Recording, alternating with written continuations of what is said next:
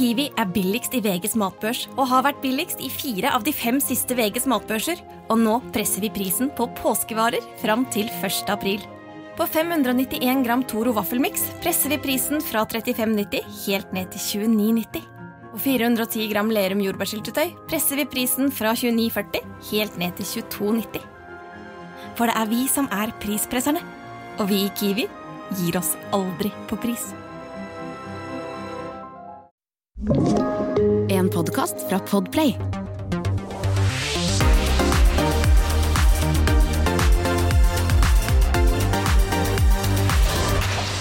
Velkommen til Popkast med Tone Lise.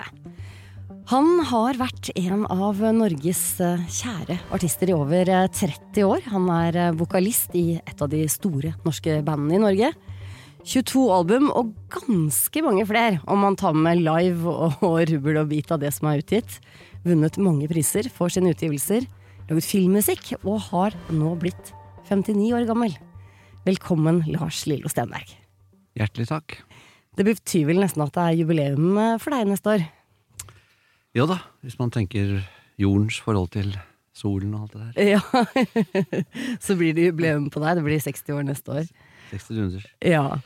Og, eh, og størsteparten av eh, de årene har du jo eh, tilbrakt i musikkens verden. Absolutt. Jeg begynte da jeg var fire-fem år gammel, kanskje. Egentlig. Faktisk. Og hvordan startet jeg da? Nei, jeg var veldig eh, begeistra for mine større brødre, og de hørte på musikk da. Så jeg, alt som de drev med, ville jeg også holde på med. Så jeg var stadig inne på mitt storebrors rom og hørte på Stones og Beatles, og så lekte jeg at jeg var en platespiller selv. Som eh, fant på små ting, da, mens jeg satt og snurret på en uh, singelplate. Hvordan, hva gjorde du da? Jeg satt liksom og snurret på en singelplate sånn, i, med, i fanget, og så, Ja. og så var jeg platespilleren, og så kom det liksom lyd ut av munnen. da. Så morsomt. Det var den lille gryende karrieren. Hvor, hvor gikk sånn veien videre etter det? Da gikk det noen år, og så begynte jeg å spille gitar da når jeg var uh, 13. Mhm. Og det lærte jeg også av broren min. Ehm, så begynte jeg på Foss uh, musikk uh, videregående, og ble kjent med folk der som jeg begynte å spille sammen. Da. Mhm.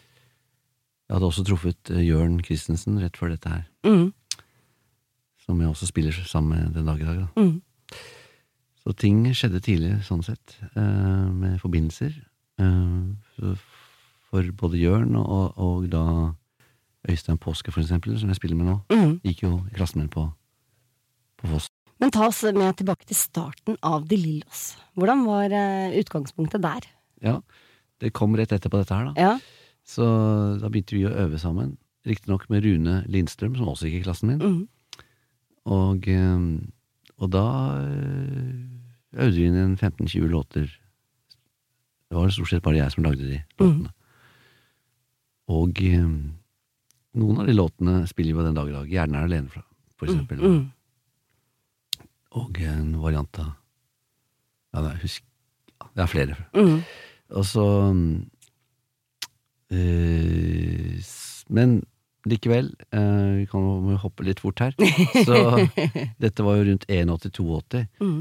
men eh, Og da er jeg sånn 18-19 år etter hvert, og mm. men så blir jeg jo par og 20, mm. og da er vi 84. Mm. Og da har liksom den første konserten um, eh, med De Lillos oppstått på på eh, påskeaften i 84. Mm. Da varmet vi opp for et band som het Sirkus Modern. Mm. Og, eh, og Var det der dere ble oppdaget? På en måte lite grann. eh, fordi det var en del folk som var i byen i påsken, og alle rockerne var jo der. Mm. Det har vært litt sånn forskjellig Jeg mener at det var ganske bra mye mennesker der. Og mye sånne forstå-seg-på-året var der, liksom. Jeg husker Folkets Sibel, og jeg husker sånne forskjellige ansikter. Sånn, Mm. Litt sånn musikkpressemennesker og sånn. Så jeg fikk følelsen at vi fikk en fin mottakelse der. Liksom. vi spilte Tøffe pysjamas og et par andre sånne sanger. Som eh, Som jeg fikk litt sånn skryt etterpå. Mm. Og apropos eh, tøffe pysjamas, jeg tenkte vi skulle høre lite grann av den. Et lite gjenhør.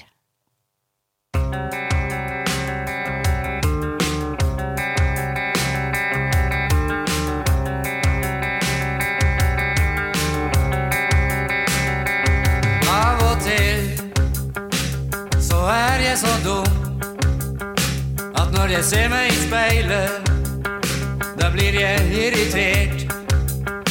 Og jeg blir dum i pysjamas, og jeg blir dum med frakk.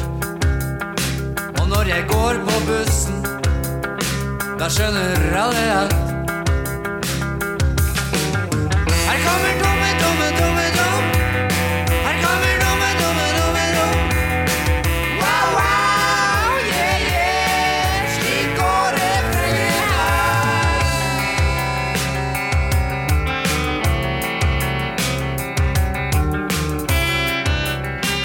Lars, hvordan er det å høre igjen eh, den låta her eh, i dag?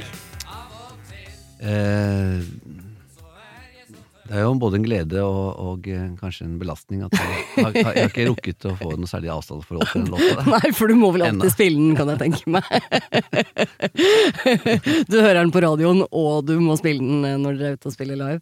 Men hver gang jeg hører den, så tenker jeg ofte på um, at de var og presenterte alle låtene våre for Sonett Mhm, og gjengen mhm. som var ansatt der. Og, og de, de bet seg ikke merke den låta her i det hele tatt. Liksom. De følte at det var ingenting som liksom var hadde singelpotensial. Da hadde vi spilt inn eh, tidlig mikser av disse låtene der mens vi holdt på i studio, Mhm. og så bytta Jørn Christensen, som Mm. i stad, ut denne basstroen med en sampla basstrommet Ja. Så den, når jeg sitter med headset nå, så hører jeg den litt kraftige karakteren i den basstrommen der. Så kom vi tilbake, det var en som var eh, Der er singelen! Der er singelen! Så det var det som skulle til for å eh, forandre mening? Astrum har alltid vært viktig. Ja, for de, de var kanskje på min babydrå-sted eh, som eh, Ja, de hørte liksom ikke noe helt De visste, var usikre på hva det var for noe. Det var jo Terje Engen var jo veldig mm, fan og sånn, men de andre lurte på hva han hva han hva har skjedd med han nå, liksom? For denne låta her, og, og dette, dette er jo da fra skiva 'Suser av gårde', som kom i 86, så dette var jo da et par år etter Mm. denne konserten som du snakket om eh, tidligere. Ja. Hvordan var liksom oppløpet til platekontrakt? Er, det var liksom da Terje som var interessert i dere, var det sånn? Det var eh, først eh, at vi fikk gitt ut en singel i 85 Mm. eh, med to sanger. Mm. Og det var jo takket være Tom Sjeklesæter og Kai Jarre, som ble vår Mm. manager. De hadde et lite sånn uh, plateselskap, da, som het Some People Are Rats. Og de ga ut et par singler med forskjellige. Og um, det ble en liten sånn døråpner for oss, den singelen. Vi fikk spilt den på Popspesial og sånne ting. Mm. Og så ble det jo konserter etter hvert, og Kai sto jo på da, kjente jo Terje og, og, og, og maste på ham for å komme og se på oss. Og sånn. Mm. Til slutt så tok sin tid.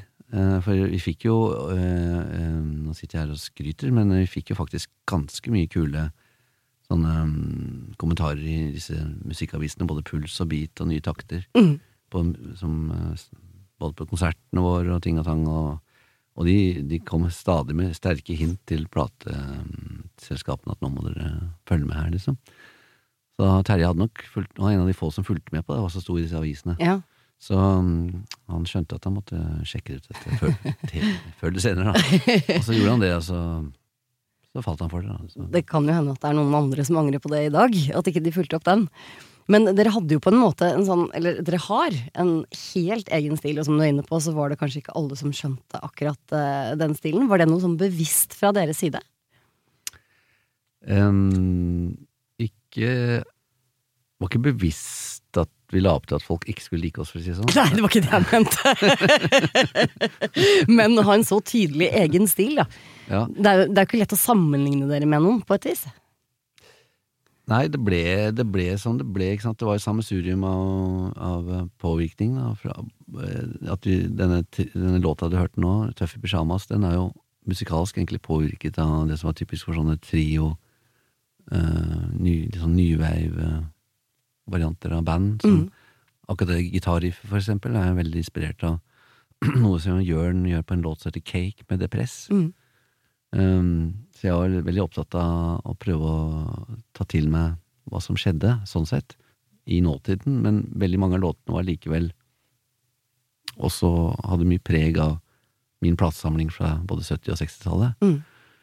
Og jeg holdt litt tilbake på at jeg fremdeles syntes det var verdifull musikk. Det var jo mye sånn trender den gangen at man skulle bare skrinlegge, eller bare eh, liksom ikke egentlig han hadde respekt for noen ting som har skjedd før. Nei, 80 80-tallet var jo veldig tydelig en annen retning. Men så jeg holdt litt på mine preferanser sånn, men eh, Men så var det jo disse Denne sangstemmen min, ikke sant, som var preget av at jeg hadde sunget mye Neil Young. Og, Mm. For du er jo veldig Neil Young-fan. Ja, Ja. og, og også andre som synger lyst. John Lennon, for eksempel. Mm. Og mye sånne Beatles-låter jeg hadde sunget opp igjennom. Så når jeg begynte å synge, så sang jeg Når jeg tenkte jeg skulle synge på norsk, så jeg, for, jeg prøvde bare å bruke den samme stemmen, liksom, og da ble det liksom en sånn rar kombinasjon. Antageligvis er vel stemmen min litt litt pussig, samme hva, men, eh, men det var ikke noe jeg Karakter egentlig heter det, Lars. det var ikke noe jeg egentlig Men jeg husker at jeg tenkte at, eh, at det er jo lov å være litt snål, liksom. Jeg mener, det er veldig mye sånn Man snakket om at det er lov Altså, det å være litt affektert og inn i rocken, det var jo liksom en akseptert uh, greie. Tenk på Dale Bowie og sånne ting. Altså, Mm. Det å være litt utrert og litt sånn spess, liksom. Det, er ikke det ålreit, liksom, tenkte jeg. Så jeg, jeg, altså så hadde jeg også en sånn idé om at jeg skulle bruke en slags eh, sosiolekt som var litt Jeg var litt preget av at jeg hang mye med en av brødrene mine som likte å gå på teaterkafeen og snakke litt sånn riksmål og sånne ting Mm. den gangen. Og, og, jeg, jeg tenkte det var litt gøy å gå for det, da, når jeg skulle synge. Eh, Beranek var jo også litt sånn, Mm. den singelen hans. Vi var ikke, var ikke helt alene om det, liksom, men eh, men eh, det var jo veldig mye sånne eh, rockeband og punkeband den gangen som sang vel Du skal få noe igjen, har du Du hørte ikke hva de sa, Nei, nei, nei, Så, så, og så er det så er det dårlig PA og sånne ting, så jeg tenkte at jeg må, eh, jeg må liksom ha en annen vokal, liksom. Så jeg, eh, jeg gikk nok litt bevisst for det, da. Mm. Og tekstene også, som jo er veldig sånn hva skal man si, litt ironiske, kanskje litt naive noen ganger på et eller annet vis. Eh, som jo også har vært en sånn veldig tydelig varemerke for dere, og kanskje deg spesielt. da. Ja da. Eh, det var jo en, et, et, et lykketreff at, eh, at, eh, at jeg liksom kunne bruke hjernen min til disse tekstene, da. Mm. Jeg hadde ikke lagt noe særlig sånn ambisjoner ned i det på forhånd. Jeg var nesten bare opptatt av å spille gitar, lage melodier og få til noe spennende komp og sånn. Dette med tekst det var noe sånn der herk, egentlig. Var det noe du bare måtte gjøre for å lage en låt? Men så, ja, så satte jeg meg ned og lagde min første norske tekst, og så, og så tok jeg utgangspunkt i, i der jeg var. Jeg tenkte jeg får bare ha noe å synge på, liksom. Du trenger ikke ta med deg sove... Jeg var alene på hytta, ikke sant. Du trenger ikke ta med deg sovepose. Det er nok av sengetøy her nede, liksom. Mm. Ok, hva mer? Ja, jeg har fiskestenger også. Og så, og så kom bare plutselig setningen 'livet er en liten dings'. Jeg vet ikke hvor den kom fra. Ja. Men da skjønte jeg at at øh, jøss, det er jo nesten litt sånn Det er banalt, men det er likevel en form for poesi, da. Mm, mm. Så, så da skjønte jeg at jeg kanskje kunne bruke Jeg var en sånn fyr som hadde drevet og sagt litt pussige ting. Sånn som kunne rekke opp hånden i klasserommet og si noe rart, liksom. Jeg hadde liksom sett meg selv på den måten at jeg, Mm. jeg, kan, jeg er sånn som kan si noe rart. Så jeg hadde ikke tenkt jeg skulle bruke det i musikken, men plutselig så viste det seg at det gikk an.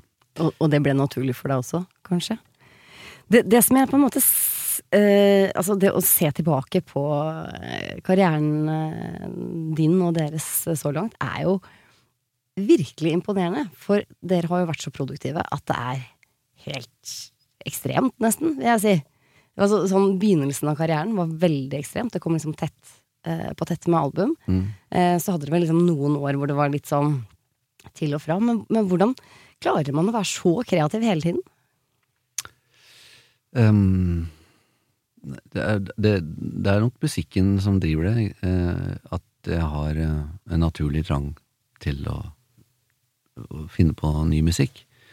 Så, så, så, så hvis det går noen dager, eller i hvert fall hvis det går noen uker, så før eller senere så, set, så må jeg bare sette meg ned og, og, og finne på et eller annet. Mm. Og så hoper det seg opp, ofte med disse melodiene. da. Mm. Så må jeg på et eller annet tidspunkt eh, presse ut noen tekster. Da kommer det tek teksten igjen. Ja. Så, så det er, men det er musikken som uh, kommer for, først. Eh, så, eh, og, så, og så er det jo dette at vi har ikke lyst til å det, det at vi fremdeles holder på, tenker jeg litt at vi føler oss som et litt sånn unikt kulturtilbud, egentlig, fordi vi samler nesten tre generasjoner på konserten vår nå. Mm. Og, og eh, det er, vi er ikke alene om sånt, men, eh, men ikke altfor mange andre aktører som gjør det. Og, eh, og da tenker jeg vi må jo fortsette. Men vi gidder ikke å fortsette som vårt eget coverband, liksom, og bare spille de gamle, kjente låtene. Så vi kan godt spille dem, men vi må i hvert fall ha en, en, annen, eh, en annen virksomhet som tikker og går. Så det er liksom veldig viktig for oss at vi gir oss selv utfordringer og er liksom aktuelle overfor oss selv, i hvert fall. Men det er kanskje det som også gjør at man klarer å eh, holde kreativiteten oppe over så mange år, da. At man også utfordrer seg selv litt. I, for som du sier, dere kunne jo safet og sikkert dratt på turné og bare kjørt gamle låter, liksom. Ja, ja. Og det gjør vi jo mye for så vidt òg, men, og, men så plukker vi noen rariteter, og så har vi noen nye låter, da. Mm. Så, men vi, vi satser liksom alt på likevel vi er, Når vi går i studio, så prøver vi å gjøre noe vi ikke har gjort før, noe som er øh, Som blir for, for oss spesielt å gjøre. Mm. Så det Og dere har jo samarbeidet med ganske mange forskjellige typer mennesker også opp igjennom, som Ja da. Det har jeg. kanskje også er et bidrag sånn til å dytte seg selv litt i forskjellige retninger. Absolutt. Mm. Men du Lars, jeg tenkte vi skulle eh, ta og gå til eh, året 1993 og høre litt av denne.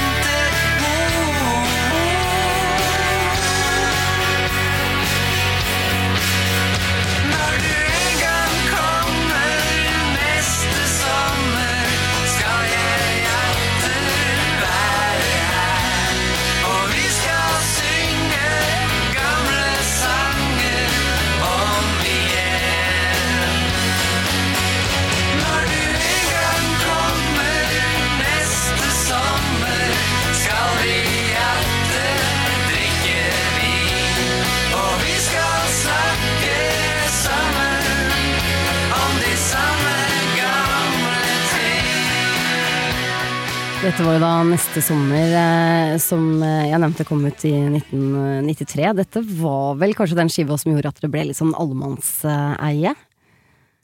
Ja da, vi nådde veldig bredt med den der, altså. Den traff, den. Ja, det. For den, det, dette, dette gikk vel da liksom fra at eh, det var kanskje litt færre som visste om dere, til at det var mange som visste om dere. Dere fikk Spellemannpris. Eh, ble på en måte litt sånn anerkjent. Og så har jeg vel lest et eller annet sted at dette også vel gjorde at dere følte at dere var på veien sånn litt i en evighet. Sånn konsertveien. Ja, vi fikk en skikkelig lang turné etter den plata. Nå Skal, sånn skal sies, vi var på ganske god lang turné den, altså de første platene også. Mhm. Mm, Og, og em, Men eh, og vi nådde jo bra ut til konsert, konsertpublikummet vårt, eller, eller det som var konsertpublikum konsertpublikummet den gangen blant studenter og sånne ting. Mm. Det gjorde vi absolutt før den plata her, men her nådde vi jo ut til masse mennesker som Også de som ikke gikk, gikk på konsert. Ja, ikke sant. sånn. For dere var vel med på Rikskonserten og litt sånn type ting eh, Eh, før det også? eh, Var det ikke det? Ja eh, der det hadde det, Nå vet jeg ikke hva du sikter til helt, eh, men sikkert. Jeg husker Jeg tror dere var på en sånn skoleturné med oh, ja, ja, ja, ja, ja. eh, Ja, ja, stemmer. Mm. var vi var reiste rundt i, og spilte skoler. Mm. Det var før det, ja. Mm. Nei da. Øh, øh, vi fikk et, eh, eh, Det kom masse folk eh, etter hvert på konserten vår etter denne sangen her, som, Mm. som hadde hørt for første gang noe de likte ved oss, da. Mm. Og som, de, som appellerte. så, og det gjorde jo liksom at For den låta her er jo Er jo ikke en De Lillos-låt, egentlig. Men det er jo Altså sånn som den klinger, da. På hvilken måte da, tenker du? Nei, det er et uh, Kyrre Fritzner-produkt. Mm. Uh, han har laget refrenget. Han har laget en kommersplate. eh, og han har, han har egentlig bestemt hele soundet. Han hadde en, det var jo Tiners fanklubb som var uh, foranledningen. Da. Han ville mm. at vi skulle låte som dem. Mm. eh, som står og bare pøser på masse litt sånn litt mer eller mindre vrengte gitarer, og, og, og, har, det ligger jo seks-sju gitarer der. Og, eh, og liksom på en melodiøs låt, liksom, og, ikke Som for så vidt høres ut som en kassegitarlåt, men som det skal da låte som grunge-stemning, som de holder på med. da. Mm. Og det var ikke noe som Vi har jo alltid holdt på med sånne analytiske ting som skjer på instrumentene våre. At liksom ting, eh, tonene Du kan nesten, skrive ned på noter, liksom. Mm. Mens dette her var jo bare å bælje til, Bare liksom. ja, dra på. Og vi tok jo mange år før vi fikk til å spille den her ordentlig bra live, da. Eh, Skjønte ikke åssen dette her skulle gjøres. Det var ikke vårt sound, liksom. Nei.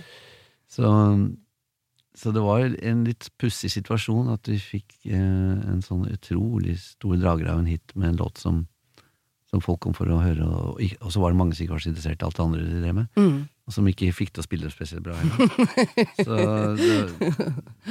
men eh, men den, nå er jeg veldig glad og stolt av den låten. Jeg fikk noen sånne bakru... Eller sånn Jeg fikk litt sånn nedtur på, på det et par år, men Mm. eh, det gikk over. Ja, det er bra. Dere fortsatte jo i hvert fall i mange år til. Gjorde det? Ja, Og så har det altså det å lese på en måte med altså litt sånn bandkonstellasjonene eh, De har jo forandret seg lite grann opp gjennom årene. Mm. Eh, dere hadde jo en periode hvor det var vel eh, deg og Lars Bekkstrøm og Lindstrøm som var De Lillos 85, var det ikke det? Jo da. Det var liksom originalbesetningen. Ja, og, så kom uh, tilbake med mm. oss tre igjen, og så varte det en stund, og så Og så ble det til at Øystein kom tilbake igjen, da. Ja. Ifra, og sånn har det vært siden eh, 13, kanskje. Ja. Ikke sant? Så har det vært den van mest vanlige. Med mest vanlige perioden. Men eh, altså det å se mye av det dere har gjort, er jo egentlig ganske imponerende. Dere har jo hatt eh, Var det en musikal på Nationaltheatret? Ja, det var en slags eh, Det var en slags musikal, på en Ja. måte, eh, hvor alle aktørene, skuespillerne, snakket eller sang i, De Lillos. Da. Altså, om de hadde dialoger eller hva det var for noe, så var det klippet, klippet sammen av De Lillos tekster. Det er jo veldig morsomt. Det var en ganske spesiell ting. Ja, Og vi var på scenen, vi også, kompa disse skuespillerne. Sang av og til noe selv også. Det må jo ha vært en ganske stor opplevelse, der? Ja, det var helt spesielt. Ja. Spesielt. Ja. Og så har dere, dere altså, ja, spilt med Kringkastingsorkesteret, spilt i Operaen. Ja, og så hadde vi den akustiske konserten på én mikrofon eh, i en stue, hvor vi spilte en plate som het uh, uh, La oss bli fri for all nostalgi. Ja, Hvor den halvveis rundt jorden, men nummer fire ble spilt inn. ja ikke sant? Det var en veldig spesiell opplevelse. Og denne plata vi lag, har lagd nå, er også veldig spesiell, for den Mm. den tar utgangspunkt i disse gamle prog-platene vi, eh, vi De Lillos vokste opp med, da. Mm. Hvor liksom alt Alt flyter i ett, da, musikalsk. Mm. Ingen låter slutter eller begynner, de bare går over i noe annet. Ja. Og det har vi liksom gjennomført nå, da. Jeg tenkte vi skulle høre litt av det også, ja, mens vi først var i gang her.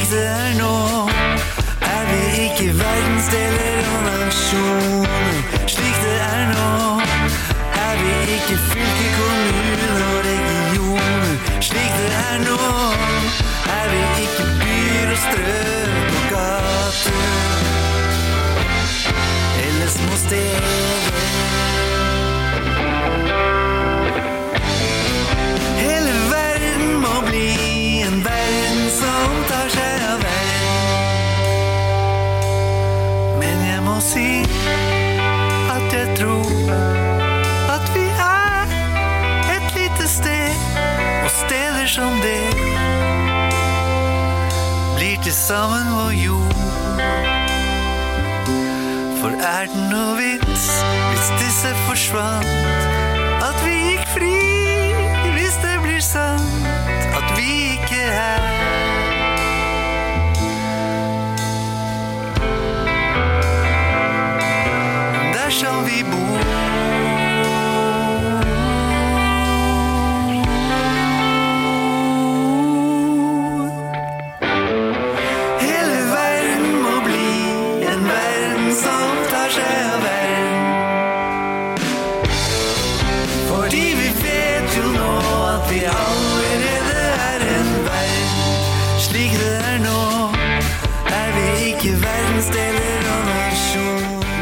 Hele verden, eh, Lars Lillo Stenberg, som er, eh, det er vel, Dette er vel den seneste singelen eh, deres. Ja.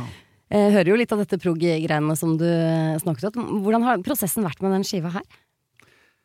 Jo, altså vi, vi lagde jo ferdig denne komposisjonen da, hvor alt går i ett, og så øh, tenkte vi at de må vel ha spilt inn dette her i ett også den gangen på 70-tallet, Mhm. eh, mer eller mindre. Så vi gikk for det, da. Så vi spilte inn side én i eh, februar, og så i juni spilte vi inn side to.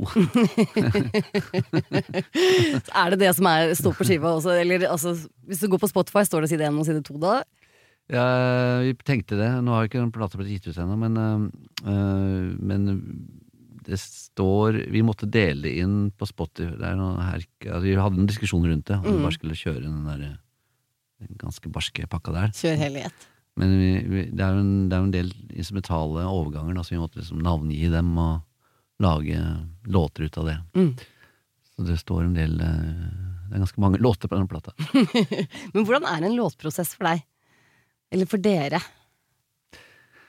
Uh, ja, det er ikke Det er ikke alltid at det skjer på samme måte, selvfølgelig. Eh, men eh, det, er eh, mest typiske er vel at jeg har eh, sittet og, og holdt på med et eller annet på egen hånd, og så tar jeg med det enten, enten det er, og Ofte er det ikke tekst og sånne ting ferdig, men noen ganger er det det. Så, men så tar jeg med det ned til øvingslokalet, og så prøver vi oss litt der, så hører jeg åssen de angriper det, og hva som, hva som egner seg best for oss, og så går jeg hjem igjen og kanskje tenker at jeg må vurdere litt annen Jeg må gjøre noen justeringer, da. Mm. Kan være toneart og sånne ting òg.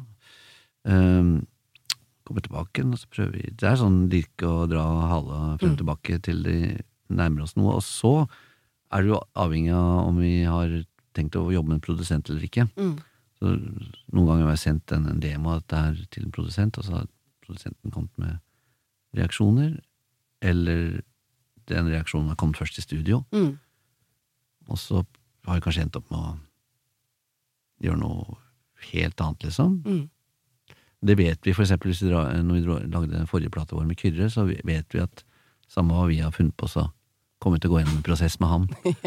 Så da, da, har vi, da tar vi høyde for det, liksom. Mm. Da legger man kanskje ikke like mye i Nei, Arbeidet før? jeg jobber ganske mye med, mye med en låt som Bare gråte, jeg. Hadde en helt annet gru på den og, holdt på, men det en, den forandret seg plutselig. Helt til siste liten. mm. Eh, Er ikke det litt spennende også? Det er spennende. Men øh, Og da øhm, er vi for, veldig fornøyd med et sånt samarbeid, men det gjør ofte at man må ha pause fra det. Så denne plata vi kommer med nå, det har ikke noen produsent, det er det vi som produserer. Mm. Og så det har vært annenhver gang, Ja, stort sett. Ja. Mm. Så, Føler du at det er noe forskjell på å være artist nå kontra tidligere? Uh, ja, altså for øh, sånn Hvis jeg ser det objektivt, Ja, eller? ja helt, og, eh, eller, eller subjektivt også, for den ja, saks skyld. for, for oss er det selvfølgelig veldig annerledes Mm. enn å være Hva er den største forskjellen? Men Nei, altså for oss så var det jo at uh, øh, Nei, det var jo liksom Vi fikk jo virkelig følelsen at vi var i sentrum av det meste. Mm, Og at vi var toneangivende, liksom. mm, Det kan jeg ikke påstå at vi er lenger. Eh, For, eh, for liksom det som er eh, Nei, det kan vi ikke si. Men Og det Ja, hvis du slo opp på det der julenummeret av, av en musikkavis som vi alle leste, da, så var det liksom De Lillos overalt. Liksom. Mm. De Lillos kuleste uttalelsen. Coveret, singel, video, Ja. konsert. Altså, vi var liksom på en eller annen rangering overalt, liksom. Så det eh, Så man fikk jo litt hybris av det, selvfølgelig. Mm. Så jeg har jo brukt, litt, brukt noen år på å venne meg av med det. Men, eh, Kan komme tilbake igjen, vet du. men, men ellers så er det jo, for å tenke litt mer objektivt, så Så er det jo dette her med gå i øvingslokalet og spille gitar og, og ha monitor og Mm. alt det tek, altså, at, eh, Og at det er én som har laget låta, liksom ikke ti stykker. Og, Mm. nå har det blitt sånn at har du laget en basslinje, så er du låtskriver, ikke sant. Ja, jeg vet. Det er ja. så, Så det er jo det er mange sånne ting er veldig annerledes. Ja, Mm. Hele den filosofien rundt hva musikk og hvordan ting kommer, blir Mm. laget, er helt annerledes. Er det vanskelig å forholde seg til, syns du?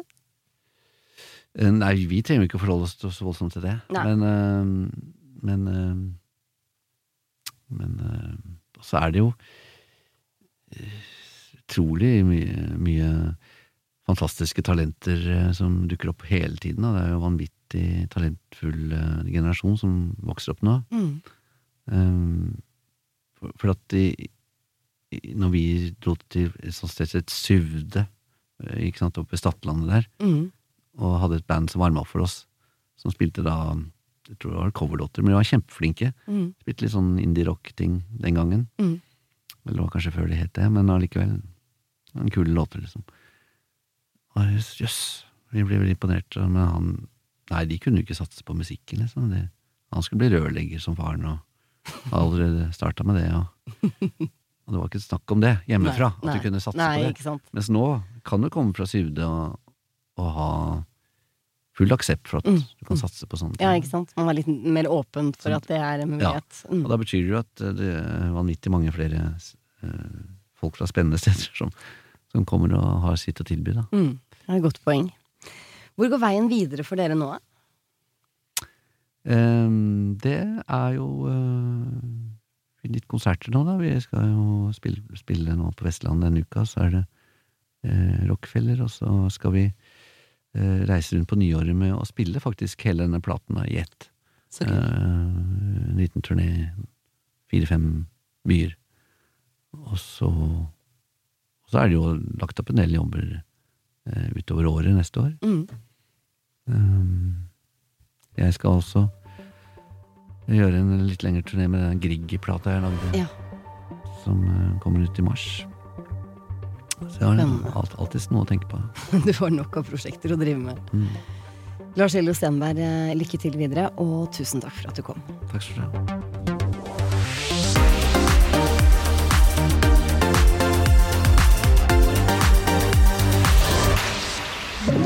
Du har hørt en podkast fra Podplay. En enklere måte å høre podkast på.